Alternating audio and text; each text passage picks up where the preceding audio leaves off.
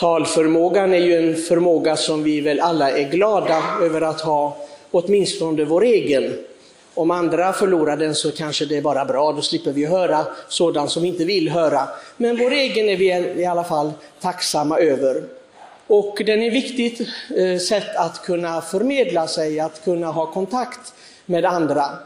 Men vi hör i läsningarna idag vilken, vilket ansvar det är att ha förmågan att kunna kommunicera med ord.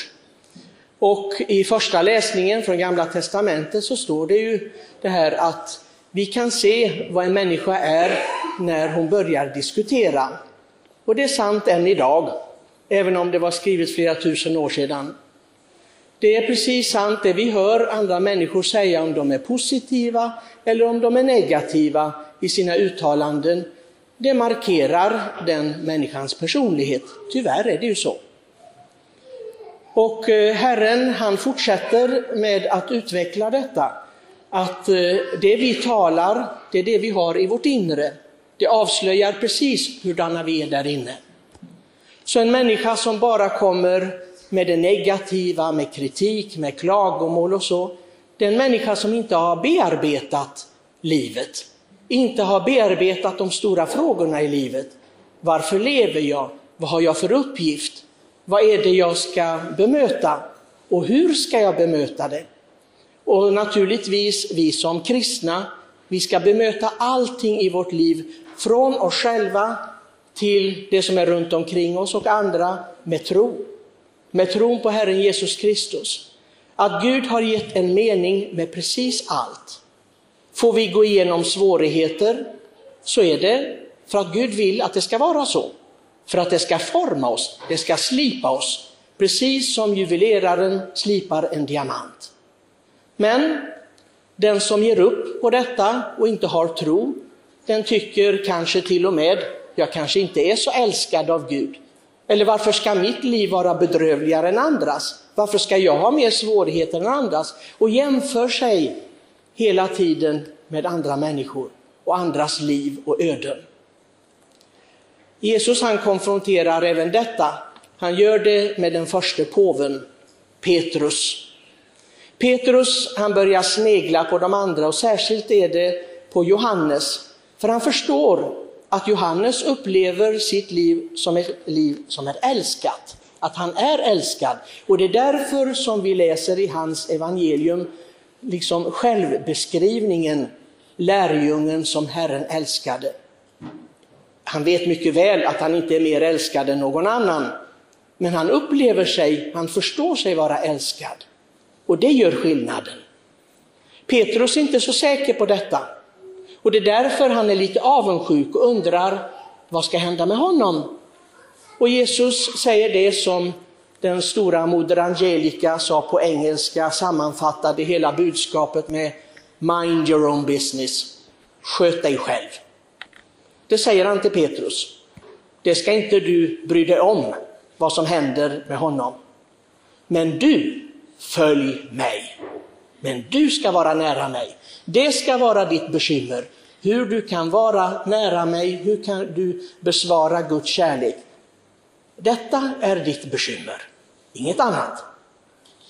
Och Petrus, han argumenterade naturligtvis inte med Herren, utan tog det till sig och förstod att så är det. Och det är budskapet till var och en av oss. Så tillhör du en av dem som klagar och hela tiden kverulerar så, ja då kan du ju tänka dig för och säga, hur långt har jag kommit i mitt förhållande till Gud? Vad är jag liksom i mitt andliga liv? Är det någonting jag verkligen måste arbeta på eller inte? Och det är ju den stora utmaningen för oss alla, inte bara för några få.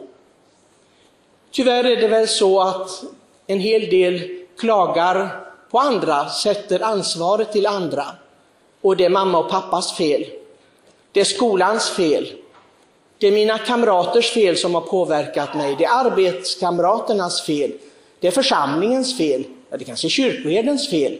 Eller också är det Putins fel. Det är Putin vi alla ska klaga på nu. Alla ska vi ha någon att klaga på. Någon ska vara syndabocken för att vårt liv är som det är. Om vi inte är nöjda med det. Och vi vet egentligen innerst inne att det är bara trams. För vi är själva, var och en, ansvariga för vårt eget liv. Ingen kan skylla ifrån sig. Det står ingenstans i Guds ord att ja, när du kommer inför mig på domens dag, då ska vi se vilka som är ansvariga för det. Det står inte någonstans. Herren ska bara säga, jag känner dig eller jag känner dig inte. Det är klart att Herren känner alla. Det finns inte en människa på jorden som han inte har skapat. Herren är ursprung till alla människors liv. Men ändå säger han, Herren Jesus Kristus, i evangeliet att vissa ska han känna igen, vissa ska han inte vilja erkänna. Så det är allvarliga ting det här. Och det beror hela tiden på hur vi lever. Det är detta, och det vi väljer det själva. Jag kan aldrig skylla ifrån mig. Det är mitt ansvar. Och detta med talet, det är visst någonting väldigt allvarligt. Hur vi pratar, hur vi kommunicerar, eftersom det tas upp så många gånger i Bibeln. En gång hade vi en diskussion i Klarasalen, i vår, vårt kaffesal, och då så sa jag så här till de närvarande att efter ni har varit här på söndag kväll så går jag in med vigvatten och ber om Guds förlåtelse för alla synder som har begåtts här. Alla synder som har begåtts här, säger några av närvarande. Ja, för jag vet nog vad ni talar om. Ni pratar om varandra. Jag vet att ni diskuterar, för det har jag själv hört. Jag har inte så dålig hörsel som ni tror. Jag lyssnar. Och det är någonting som är förbjudet Evangeliet förbjuder oss att bedöma och prata illa om varandra. Herren säger, döm inte så blir du själv inte dömd. Hm. Så egentligen ska det inte vara någon överraskning när vi kommer, när vi dör och ställs inför Herren. För om vi har dömt andra, då blir vi själva dömda, så det är automatik. Så det, det blir ingen överraskning. Och jag har berättat för er många gånger under mina 30 år här, den historien som tycker allra mest om från, från ökenfäderna. Och det var en försumlig munk ute i öknen någonstans i Egypten och han låg inför döden. Och abboten med munkarna kom dit för att be vid hans dödsbädd. Och abboten blev irriterad för han såg den döende munken med stort leende på sin dödsbädd. Och abboten sa, du har minsann ingenting att le för. Du har varit försumlig i bönen, i arbetet, i alla, på alla möjliga sätt. Du borde gråta och gnissla tänder istället, för du ska ställas inför Herrens dom. Förstår du inte detta? Eller är du så dum? Och den här munken, han svarar sin abbot, Fader, Herren säger i evangeliet, döm inte så ska du inte bli dömd. Jag har aldrig dömt någon eller bedömt någon i hela mitt liv och jag är säker på att Herren ska hålla vad han har lovat. Jag tror att det är någonting för oss alla att tänka på. Att vara försiktiga med hur vi pratar. Att vara försiktiga med det som finns där inne, för att det som kommer ut ur munnen, det är det som finns där inne. Så det avslöjar också vilka vi är. Vill vi bli avslöjade på det viset? Att bara anklaga andra och vara negativa och otacksamma? Är det, är det så vi vill att andra ska se oss? Och inte minst Gud själv. Ja, Gud behöver inte att detta avslöjas vad vi säger, för han ser inne i vårt hjärta, i vår själ.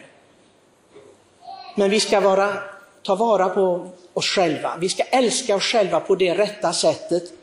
Att vi är kärleksfulla där inne, att vi försöker anpassa vår själ till evangeliet, inte till någonting annat. Vad sen får människor i världen prata hur de vill, det angår oss inte, det rör oss inte i ryggen. Men vi, vi som vill tillhöra Kristus, vi ska tala på ett sätt och tänka på ett sätt som är värdigt den troende människan. Gud till ära och våra själar till frälsning. Amen.